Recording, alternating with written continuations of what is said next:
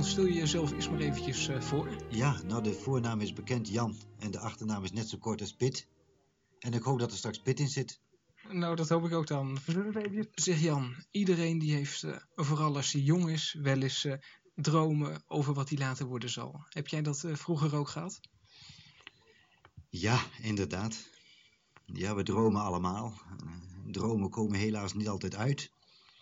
In mijn geval was het zo dat ik wilde vreselijk graag sportleraar worden. En daar was alles op gericht. Maar de realiteit uh, die kwam erop neer dat ik meer ging sporten dan ging studeren. En het een ging ten koste van het ander. En als je wat wil bereiken, dan zul je er ook hard voor moeten leren. Maar ik wilde sportleraar worden. Ja, en uh, je droom die is dus niet uitgekomen. Maar wat is er wel gebeurd?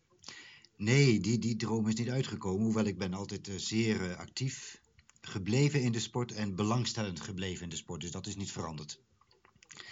Uh, maar er is wel een hele grote ommekeer eigenlijk in mijn leven gekomen... doordat ik van sportleraar uh, zendeling ben geworden.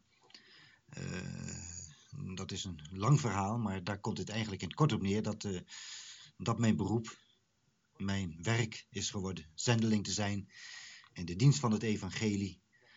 Om te gaan naar plaatsen daar waar het evangelie nooit was verkondigd. Laten we nog een klein stukje teruggaan. In, eh, in wat voor milieu ben je opgegroeid?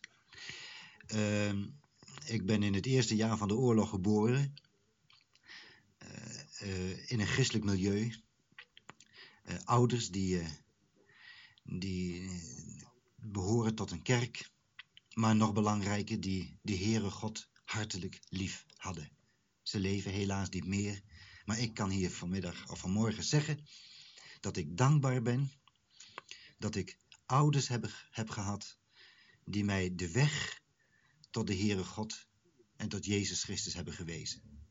Dat zie je niet altijd op het moment zelf, maar wat, als je terugkijkt, mag je daar dankbaar voor zijn.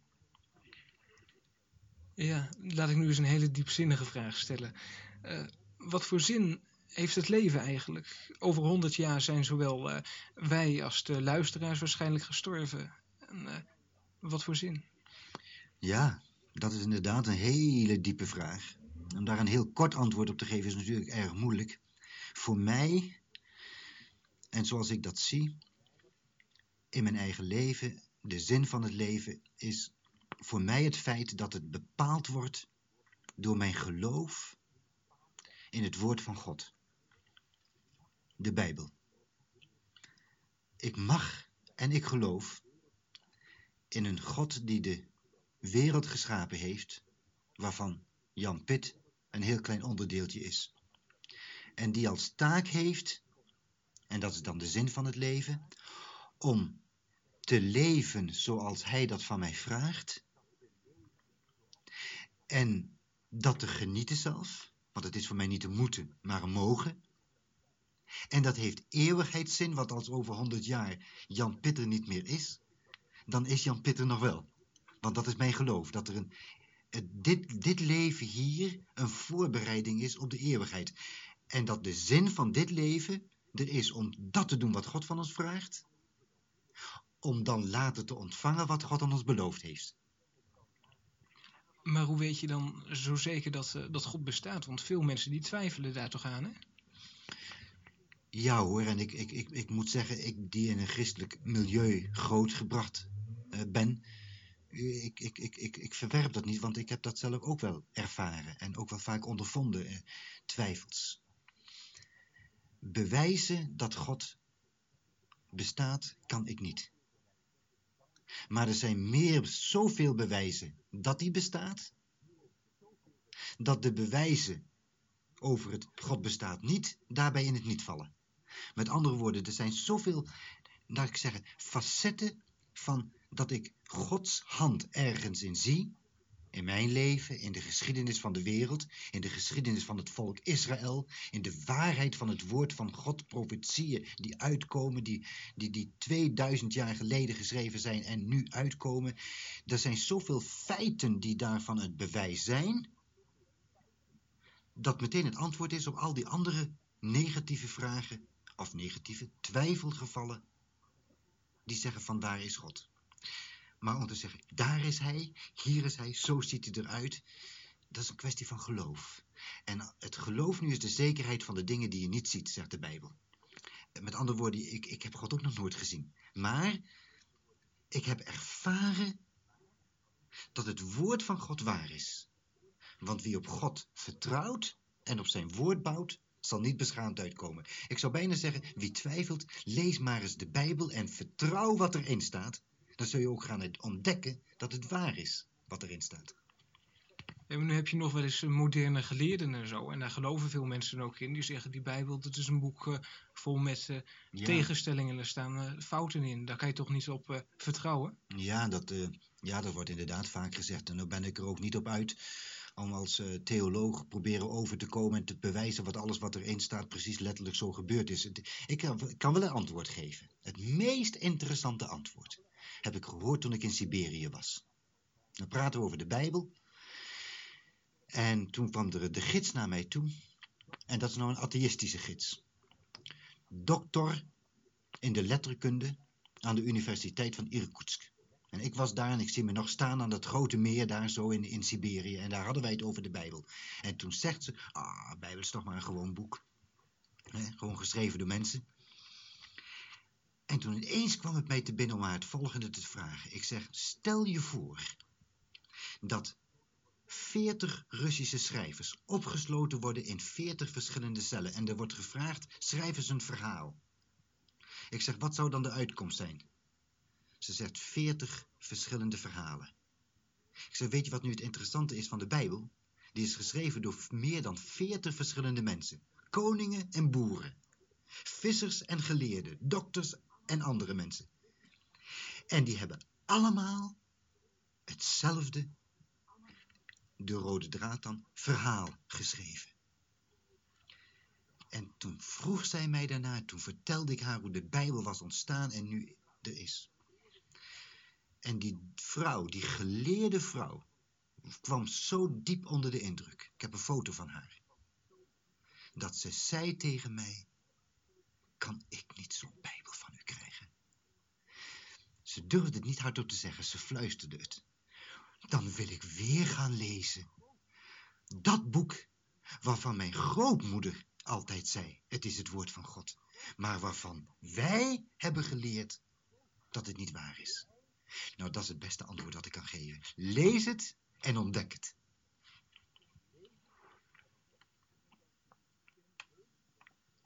Je bent ook uh, zendeling geweest. Uh, waar eigenlijk? Ik ben uh, na mijn studie naar Azië vertrokken.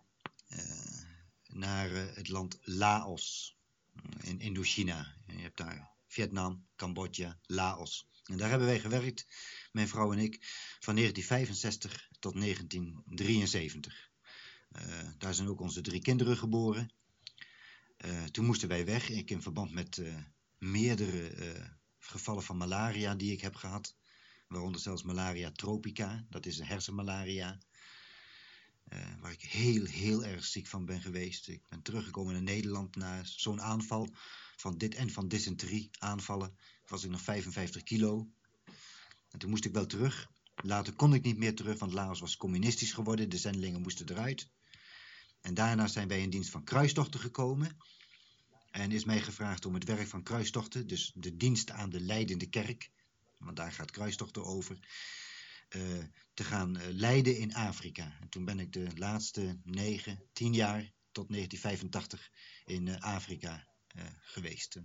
gewoond in Zuid-Afrika, maar eigenlijk alle landen van Afrika doorgereisd, bezocht, kerkleiders ontmoet. Dus acht jaar in Indochina en negen, tien jaar in Afrika. En wat houdt het in om zendeling te zijn? Ja, nou ik zou bijna zeggen wat het inhield is niet eens meer wat het inhoudt. De tijden veranderen. Ik denk dat zendeling twee dingen inhoudt. Eén, het gezondene zijn. Je wordt gezonden naar een volk. Met een boodschap van het evangelie. En wij wilden dat dan graag zijn in een gebied waar dat evangelie nooit gebracht was.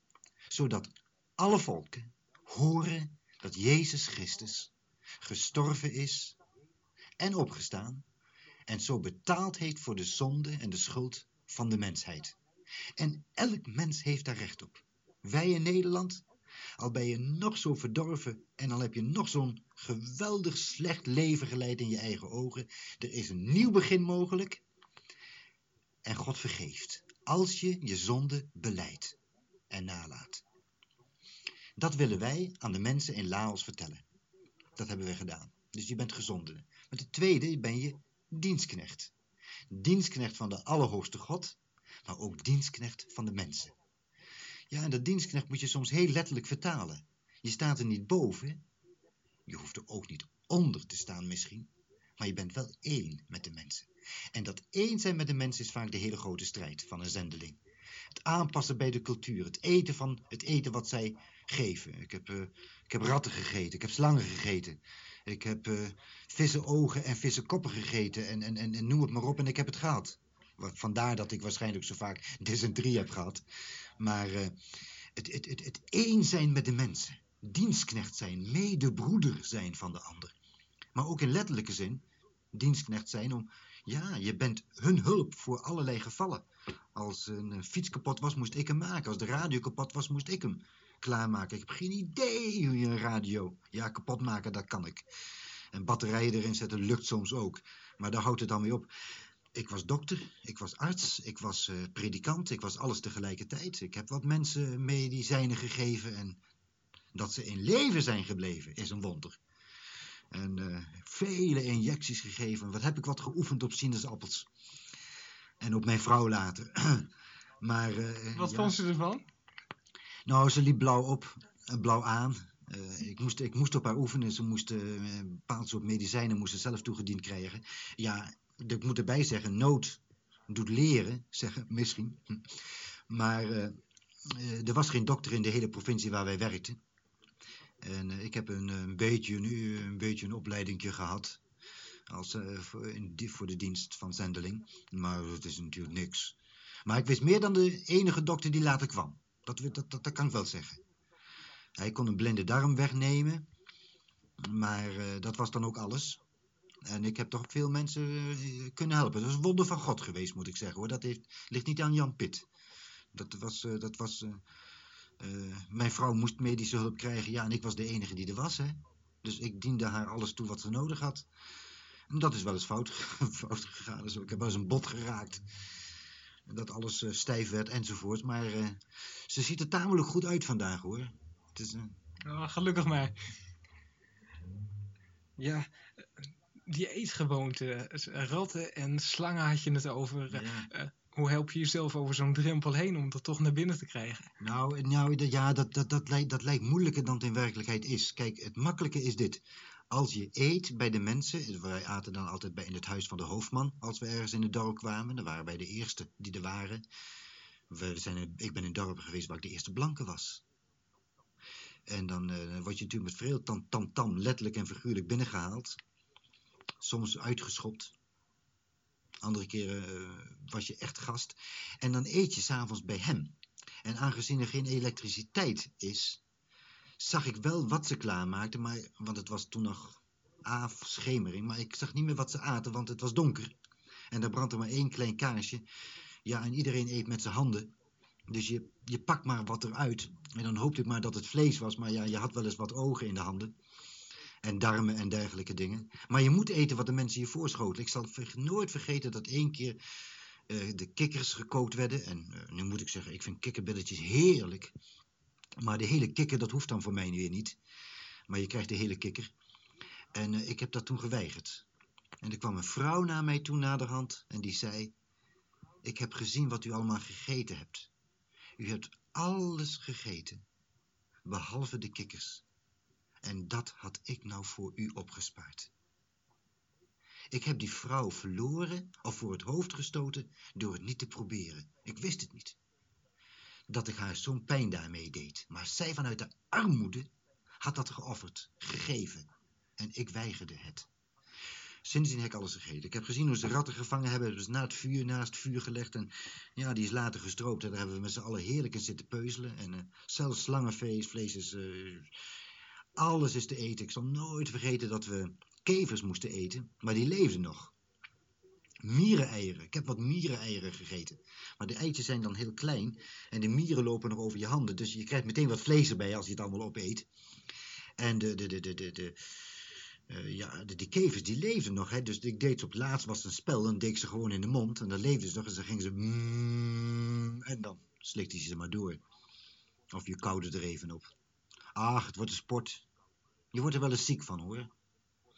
Maar het was, later was het wel leuk. En ik merkte, doordat ik alles mee at wat zij aten, merkte ik twee dingen. Ik werd ziek, maar ik werd ook aanvaard. Want zij waren ook altijd ziek.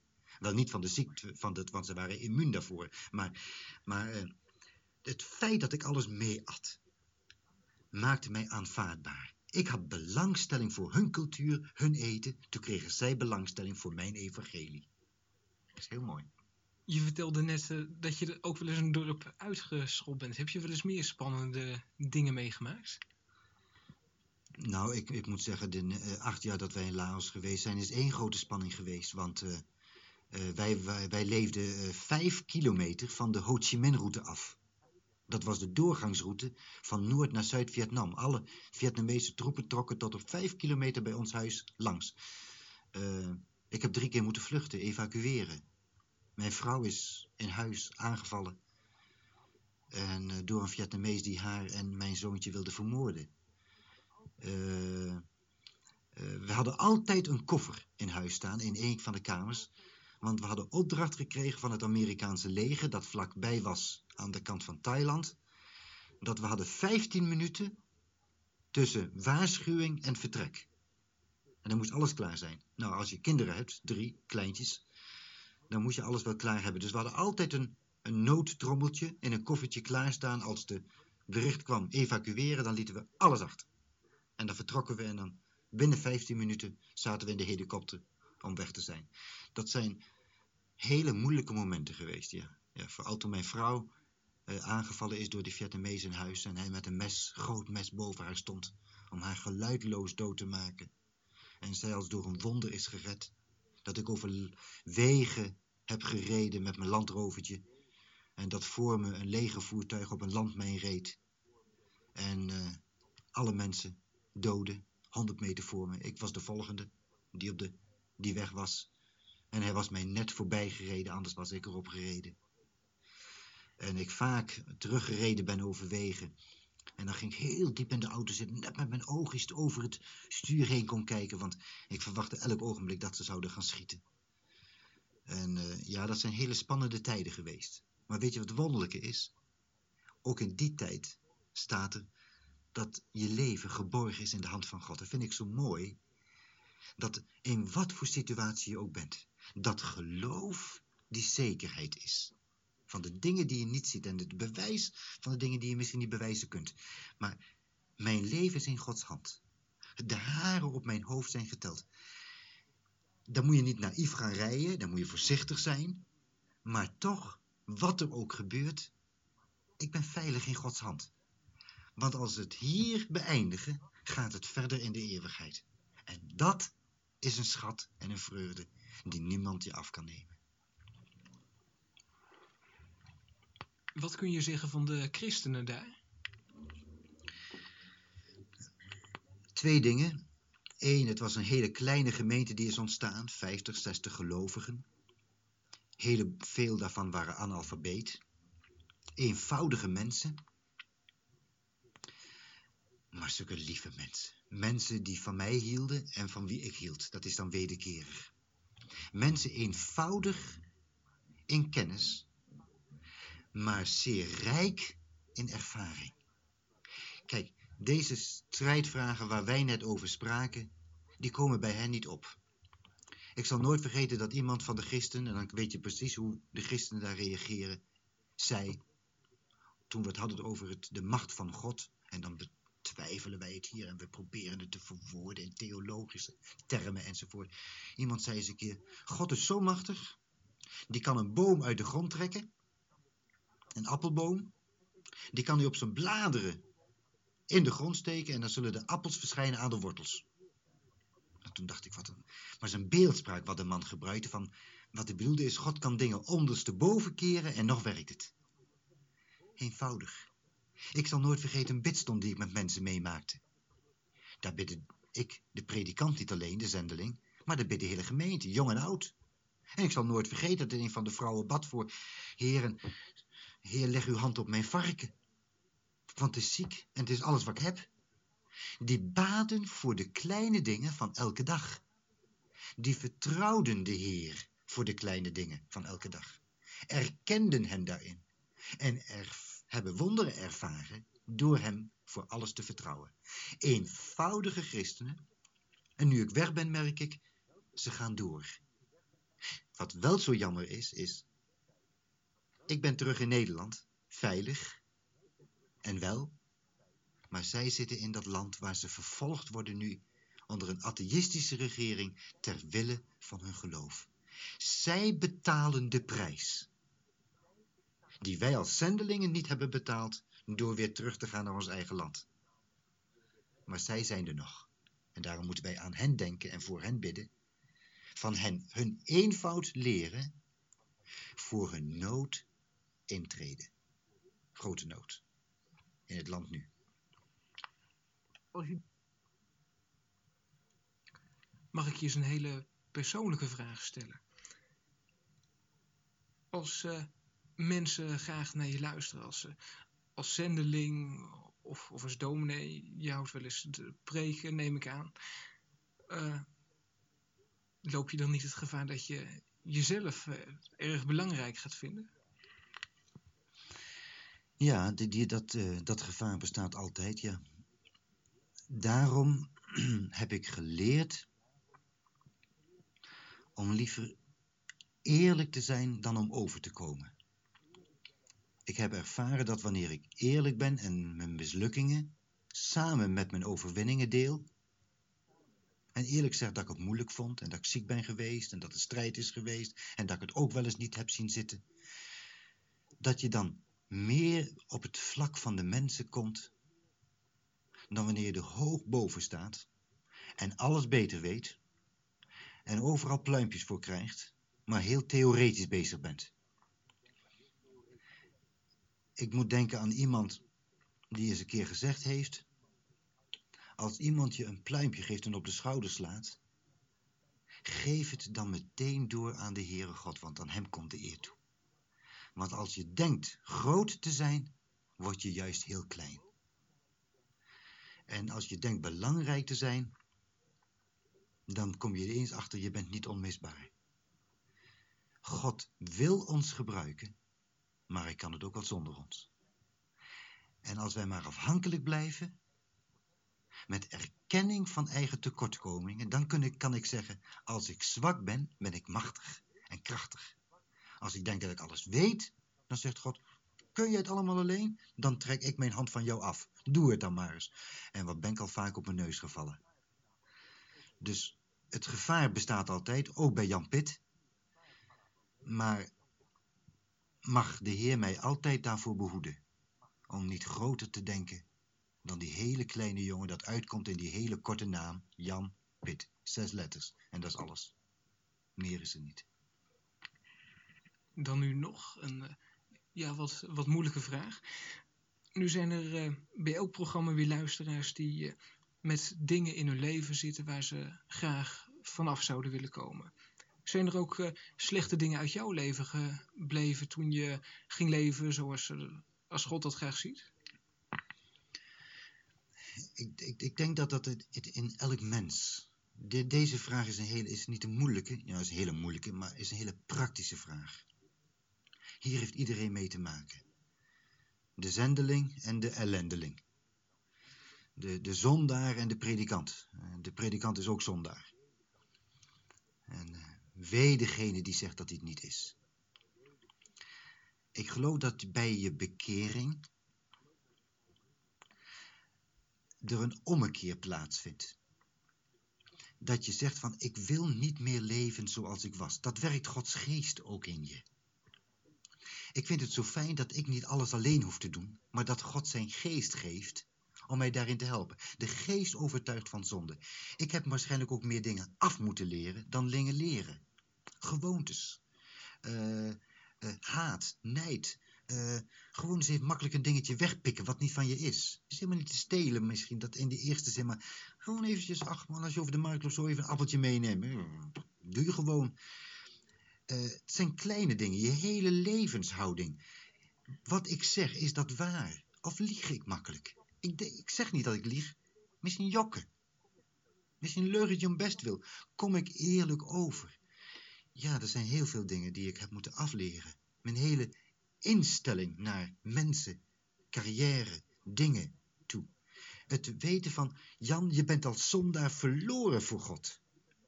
En hoe goed je ook leeft, ben je nog verloren voor God, want je doet, voldoet niet aan Gods eisen. Wel aan jouw eisen misschien. En je zegt van, nu leef ik helemaal... Ik bereik het standaard wat het mens kan bereiken, maar dat is niet het standaard van God. Het standaard van God is erkennen dat je verloren bent voor Hem.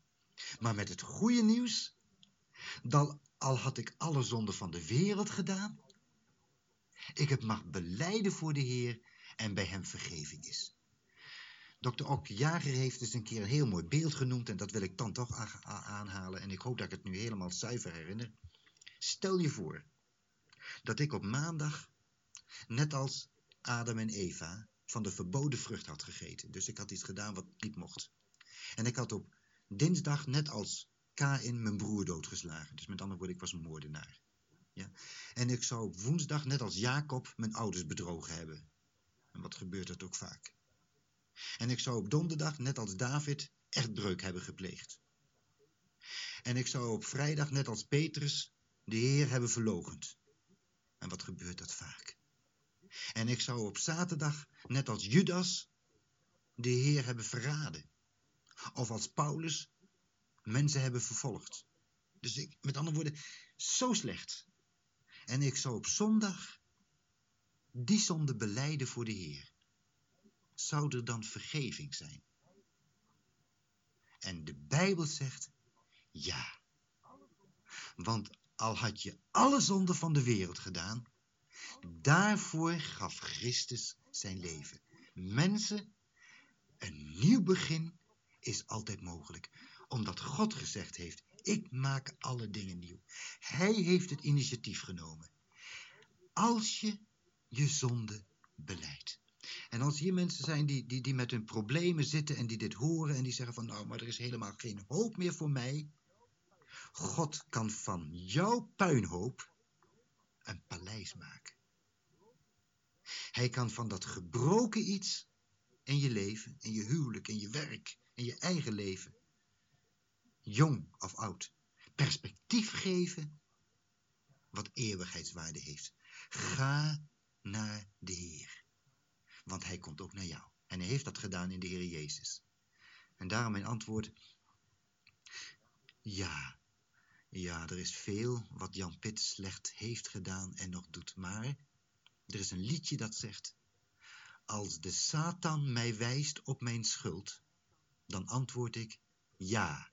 Maar, zeg ik er dan bij, het is alles genageld aan het kruis. Daar is vergeving. Daar is mijn schuld betaald. Daar is dus ook voor mij en voor de luisteraar het nieuwe begin mogelijk. God kan en wil alle dingen nieuw maken in ons leven. Als we hem vertrouwen. Nu eh, hoor ik christenen ook wel eens praten over een, eh, een dagelijkse bekering. Eh, weet jij wat het inhoudt? Ja, is eigenlijk maar een term. Hè. We hebben overal termen voor. Hè. Dat, dat, dat, dat, de slogans, hè. Dat, dat komt dan zo leuk over. Hè. Nou, je moet eigenlijk zo zien. Je hebt een, een, een eenmalige grote bekering. Dat betekent, jij keert je af van de zonde naar God. Nou, dan kun je zeggen, doet God dat nu of doet jij dat nou? Nou ja, dat is weer een theologisch probleem. Ik denk dat jij moet doen wat jij kunt en God doet wat hij doet. En wat hij kan. Er is een wij moeten ons keren van de zonde af naar Hem toe. Dat is een daad die wij moeten doen. Dat is eenmalig. Met andere woorden, dat is heel belangrijk. Het is niet door mijn opvoeding dat ik er kom. Ik kan in een christelijk milieu opgevoed zijn. Ik kan lid zijn van de kerk. Maar heb ik mij afgekeerd van de zon? Heb ik mij bekeerd? Kan ik, het hoeft niet tijdsgewijs te zeggen van toen en toen is het gebeurd. Het zou goed zijn als het kon, maar het hoeft niet dat je zegt, ik, ik, ik breek nu radicaal met mijn oude leven en ik keer mij nu tot God. Dat is de grote bekering. Maar dan is er een dagelijkse bekering. Ja, dat gebruiken mensen maar als term, want dan heb je je wel eenmaal bekeerd, maar je faalt elke dag nog weer. Nou, daar moet je je elke dag dus van omkeren. Dat moet je zeggen van, ik zou liever zeggen, dagelijkse bekering is dagelijkse beleidenis. Beleid dat wat je dagelijks hebt gedaan. Bekeer daarvan. Doe dat nog niet meer. En uh, probeer dat niet in eigen kracht, maar vraag de Heer om zijn kracht. Hij zal het geven. Vertrouw hem ervoor. Lees dat in zijn woord. Vertrouw hem door zijn geest. Dan zal hij het doen. Bekering van dagelijkse verkeerde dingen. Dat is een beleidenis aan het eind van de dag. Of beter nog, wanneer je doet. Heer, vergeef me dit wat ik gedaan heb. Ik wil het niet weer doen. Dan bekeer jij je dus. En dat is ook weer het werk van God.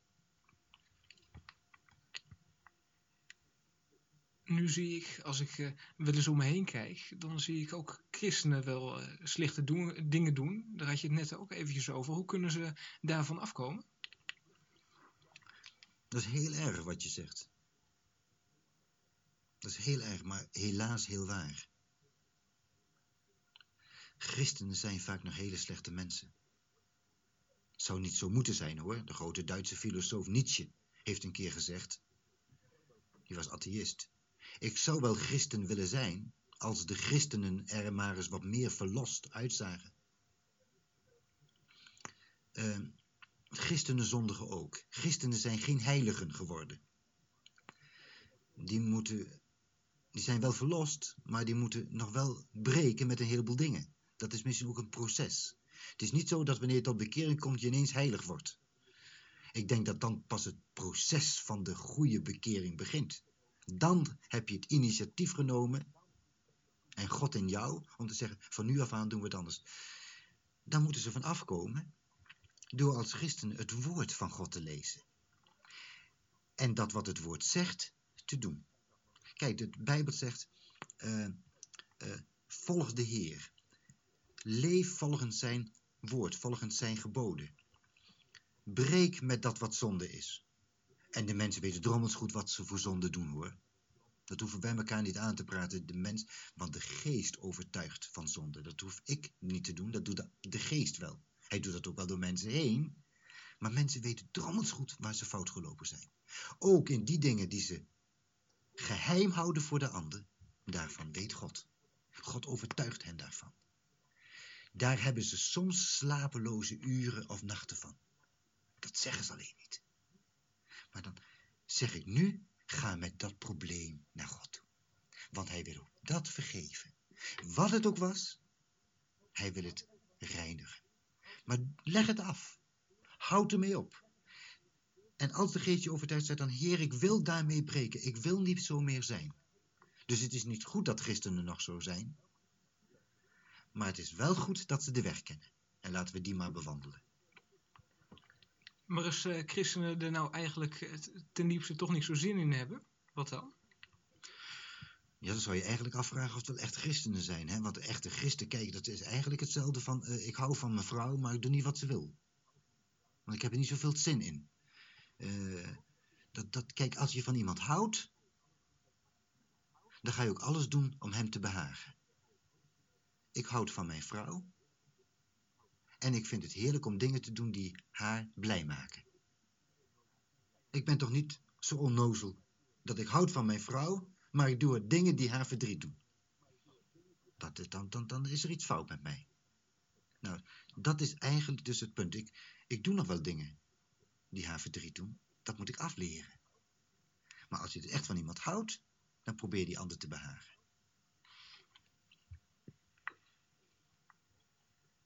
Ja, je had het net over het, uh, het praten met God, het uh, dingen beleiden aan God, het, uh, het bidden. Daar schijnen veel christenen nogal problemen mee te hebben, hè? Ja, ja, dat is ook zo. Waarom eigenlijk, hè? Ik denk dat het... Kijk, het gebed is natuurlijk heel erg belangrijk. Wat is bidden? Bidden is praten met God. Is ook dat God met jou praat. Misschien praten wij veel te veel in ons gebed en moeten we weer meer stil zijn. Ik zou het liefste dit willen zien. Door zijn woord praat God met ons en in het gebed praten wij met hem terug. En dan niet alleen maar, wilt u dit voor me doen en wilt u dat voor me doen, maar hem eren, hem danken, hem loven. Hem ook danken voor de dingen die hij doet, voor wie hij is, ondanks wat wij zijn. Bidden is de omgang met God. God praat met mij, ik praat met hem. En de reden dat dat zo moeilijk is, één, je ziet die ander niet. Ja, dan je soms idee, ik praat maar wat met mezelf. Ik praat maar wat in de lucht. Maar, en daarom is het ook moeilijk om je te concentreren. Dat is het eerste. Ten tweede, het is natuurlijk een geestelijk iets. De duivel wil helemaal niet dat wij praten met God. Dus die zal ook alles doen om dat gebedsleven te verstoren. Want hoe meer wij met God praten, hoe intiemer de relatie met God wordt. Wie veel bidt, is iemand die een goede relatie heeft met God. Want die veel bidt met God, praat met God, die doet ook graag wat God van hem vraagt. Nou, dat wil de duivel dus helemaal niet. Daarom probeert hij er altijd wat tussen te laten komen. Dat merk ik ook in mijn eigen leven. Dat er dan, net als je tijd wilt hebben dat je echt je afzondert en stil wilt zijn voor God, dan wordt er gebeld of de telefoon gaat. En dan, ja, dat is toch ook wel belangrijk. Die mensen kun je niet de hele tijd de telefoon laten luiden. Dan geef je prioriteit aan de ander in plaats van God. Zo zal de duivel, want ik geloof niet alleen dat er een God bestaat, maar ook een tegenhanger, dus alles doen om dat gesprek met God te verbreken. Dus ik, mijn antwoord is dus eigenlijk twee dingen. Het is een normaal iets dat het moeilijk is, want de duivel valt je erop aan. Wat worden mijn gedachten vaak afgeleid als ik vooral in een bidstond zit en anderen bidden, en dan soms nog langdradig ook, of voor hetzelfde bidden, of, of bidden dat ik niet kan horen. Dan ben ik wel eens met hele andere dingen bezig. Ik, ik, ik preek dus praktisch elke zondag, maar als ik zelf eens in een dienst zit, dan moet ik mezelf ook wel concentreren. Als uh, de andere spreker predikant is en die, die bidt nogal lang, och, dan ben ik wel eens hele andere dingen aan het doen terwijl hij bidt. Dan ben ik mijn gedachten wel eens helemaal in het buitenland en zo. En, uh, moet je je concentreren dus. Dat is wel eens moeilijk. Nou ja, zo blijft het een, een strijd, maar de andere kant is, het gebed is een kracht van God. Met andere woorden, als je praat met God, zal God ook gaan praten met jou. En dan is er een omgang. Het is het, iemand heeft gezegd, het is het ademen van de ziel. Het is het gesprek met hem. Nou, dat is eigenlijk de mooiste opsomming. Een relatie met onze God. Heb je tot slot nog een, uh, een goede tip? Nou ja, ik hoop natuurlijk dat alles wat hier gezegd is allemaal goede tips zijn. Hè? Dat, uh, daar gaat het om. Uh, als, ik, als ik een goede tips, om dat woord te gebruiken, zou mogen geven, dan zou ik eigenlijk moeten opsommen wat ik allemaal heb gezegd vanmorgen. En dat is dat ik bij een punt soms kom in mijn leven dat ik zeg, wie ben ik? Dat God mij lief heeft. Als ik kijk naar mijzelf, dan is er soms wel aardige tevredenheid hoor, want dan denk ik dat ik niet zo slecht doe. Soms wanhoop. Soms blijdschap, soms groot verdriet. De tip die ik zou willen geven is, als je nou een ogenblik naar jezelf gekeken hebt, hebt kijk dan eens naar God. Want God kijkt naar dat nietige mensje, maar wil alle aandacht en liefde aan hem kwijt. Er is geen mens een te grote zondaar voor God. Er is geen mens goed genoeg om voor God te verschijnen. Maar kijk af van jezelf. Sta je niet blind op je zonde? Denk ook niet te veel van jezelf. Maar kijk naar God.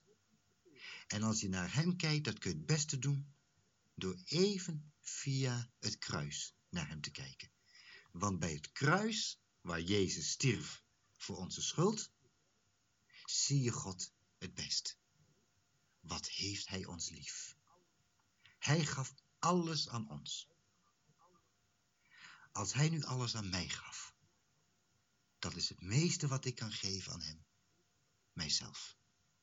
En mijn tip zou zijn, geef maar jezelf, dan geef je het allermeest.